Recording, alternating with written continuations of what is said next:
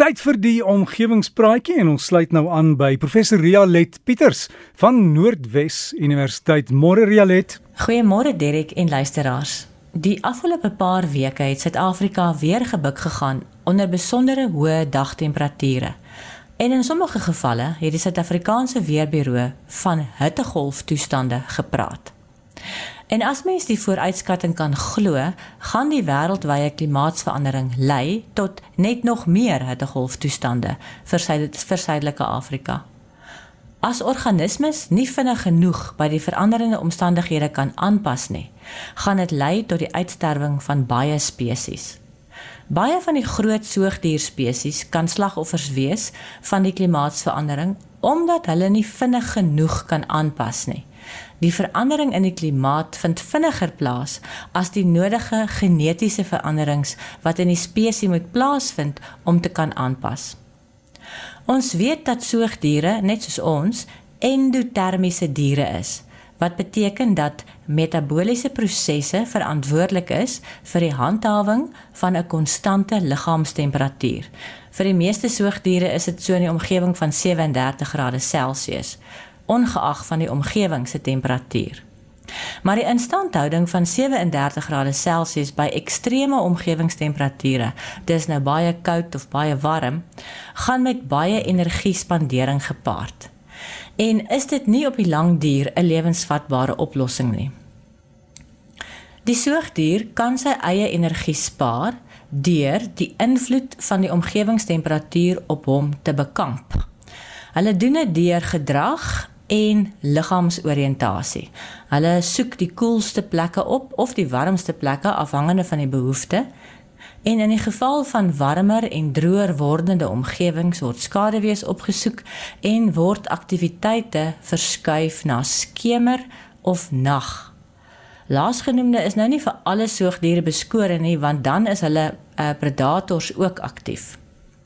Hulle kan ook bedag hulle lyf so draai dat die kleinste oppervlak na die son se kant toe gedraai is. Een van die fisiologiese maniere om die liggaamstemperatuur van 37 grade Celsius te handhaaf, is deur te sweet en of te hyg. Die Engels praat van panting. Die verdamping van die liggaamsvog koel die liggaam af, maar die dier verloor dan water in die proses. En in 'n droë omgewing waar water skaars is, is dit nie die wysste besluit nie. Daar is termosensors in die hypothalamus van die brein wat die liggaam laat weet dat dit nou moet sweet en of hyg wanneer die liggaamstemperatuur begin styg. Gelukkig is daar sekere soogdiergroepe wat die hypothalamus kan flous sodat die hypothalamus kan dink dat die liggaamstemperatuur eintlik laer is as wat dit werklik is en dan keer dat die liggaam begin sweet en so water spaar. Hierdie meganisme staan bekend as selektiewe breinafkoeling en kom veral voor by lede van die Artiodactyla. Dis nou die ewe hoewiges soos beeste, bokke, skape, kamele en wildsbokke of antilope soos die gemsbokke, elande, springbokke, kudu's ensovoorts. Volgens 'n artikel wat in die wetenskaptydskrif Conservation Physiology wat in 2017 verskyn het, motiveer Martin Strauss van Wits en sy medewerkers dat hierdie besondere aanpassing die diere 'n oorlewingsvoordeel gee in die droër wordende klimaat en stygende temperature bo diere wat nie hierdie aanpassing het nie. Jy sien, hierdie aanpassing stel die dier in staat om soveel as 30% van sy daaglikse waterbehoeftes te spaar. En in die toenemend warm wordende klimaat van Suidelike Afrika is dit voorwaar voordelig. Die aanpassing waarna ek hier verwys is die Carotis reti of dan nou die netwerkvertakking van die Carotis slagaar wat in 'n holte net onder die hypothalamus in die brein voorkom. Suurstofryke bloed word vanaf die hart hoofsaaklik met die Carotis slagare na die brein vervoer.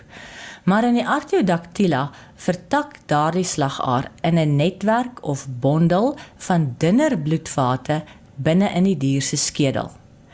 Dit gebeur in 'n baie spesifieke holte of sinus wat net bo kan die breinstam, maar onder die hypothalamus voorkom.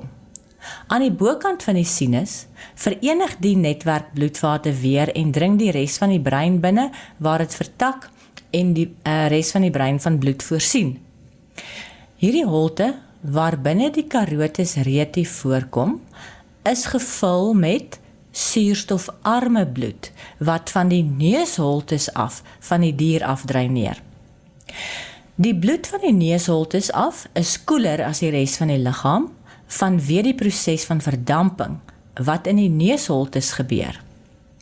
Ingeasemde lug word bevog deur die slijmvliese wat daartoe lei dat vog uit die slijmvliese verdamp in die ingeasemde lug in op pad longe toe. Maar verdamping lei tot afkoeling van die weefsel waaruit die vog verdamp. Die weefsel in die neusholte en so ook die bloed in die neusholte se temperatuur verlaag dus.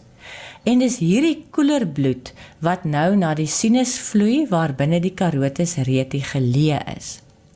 Die suurstofarme bloed vanaf die neusholte en die suurstofryke bloed binne in die karotis reti vermeng nooit nie, maar hitteuitreiling is wel moontlik. Terloops, 'n soortgelyke karotis reti is ook by huiskatte en honde waargeneem, maar by hulle sit die karotis reti buite die skedel in 'n holte aan die kant van die skedel onder die oor. Die bloed in breine van diere met die karotis reti is ongeveer uh, ongeveer 'n halwe graad Celsius koeler as die bloed wat uit die dier se hart pomp. Maar diere sonder die reti se breinbloed is 'n halwe graad warmer as die bloed uit die hart uit.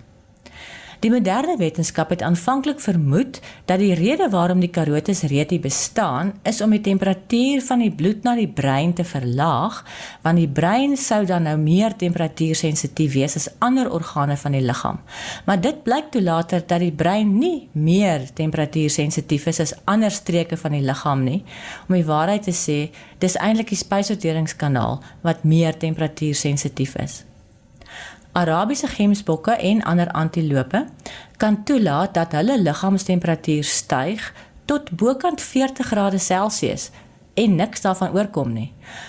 Hulle hou die liggaamshitte vas tot in die aand wanneer die omgewingstemperatuur daal en dan word die hitte deur geleiding en uitstraling aan die omgewing afgegee. Hulle sweet en hyg wel in 'n mate, maar minder as wat hulle sou as hulle hypothalamus die werklike hoë liggaamstemperatuur sou registreer. Op hierdie manier bewaar die diere hulle voginhoud. 'n 50 kg dorperskaap wat selektiewe breinafkoeling vir 'n halwe dag toegepas het, en wat vir 5 dae nie water gekry het nie, het 2.4 liter water wat ongeveer 60% van dorperskape se daaglikse waterbehoeftes is per dag gespaar. Die skape in hierdie eksperiment het darm nie aan hittestres is darm nie ook aan hittestres blootgestel nie. Hulle het net nie water gekry nie. Die gebruik van die karotis reti om die brein selektief af te koel het maar min met die omgewingstemperatuur te doen en word eintlik bepaal deur die beskikbaarheid van water of kos wat ehm um, vog bevat. So is daar eksperimentele bewyse waar die bepaalde bepaalde Artiodactyl spesies selektiewe breinafkoeling toepas. Al is die hoogste dagtemperatuur maar net 24 grade Celsius maar dit gebeur omdat die diere nie genoeg water het nie. Maar die bloedvloei van die neus af deur die holte met die karotis reti in is nie die enigste pad vir bloed om van die neus af terug hart toe te keer nie. Daar is alternatiewe bloedvate wat die bloed van die neus af terug hart toe neem. En watter roete die bloed kies, is onder beheer van die simpatiese senuweestelsel wat bloedvate kan weier of nouer maak. As dit baie warm is, maar daar is genoeg water beskikbaar, dan gebruik die gemsbok nie hierdie selektiewe breinafkoelingsmeganisme nie en laat die hypothalamus die dier sweet om sy liggaamstemperatuur te laat terugkeer na die ideale ongeveer 37 grade Celsius. Maar as die dier warm kry, en daar is nie genoeg water in die liggaam of die omgewing nie, dan word die selektiewe breinafkoeling gebruik om die hypothalamus as te ware te flous en die sweetstimulus te keer of te verminder. Lede van die Artiodactyla het dus reeds 'n effense voordeel bo byvoorbeeld die Perissodactyla, dis nou die sebras en die perde wat nie hierdie aanpassing besit nie. Ek het op omgewingspraatjies se Facebook bladsy 'n pragtfoto van 'n gemsbok geplaas en ook die diagram uit die artikel wat ek geraadpleeg het om die posisie van die Carotis reti aan te dui. Gaan kyk gerus. Dankie Bria, let ons sal gaan kyk en ek sal dit ook op die breakfastblad deel en dit was die omgewingspraatjie aangebied deur Rialet Pieters, professor by Noordwes Universiteit.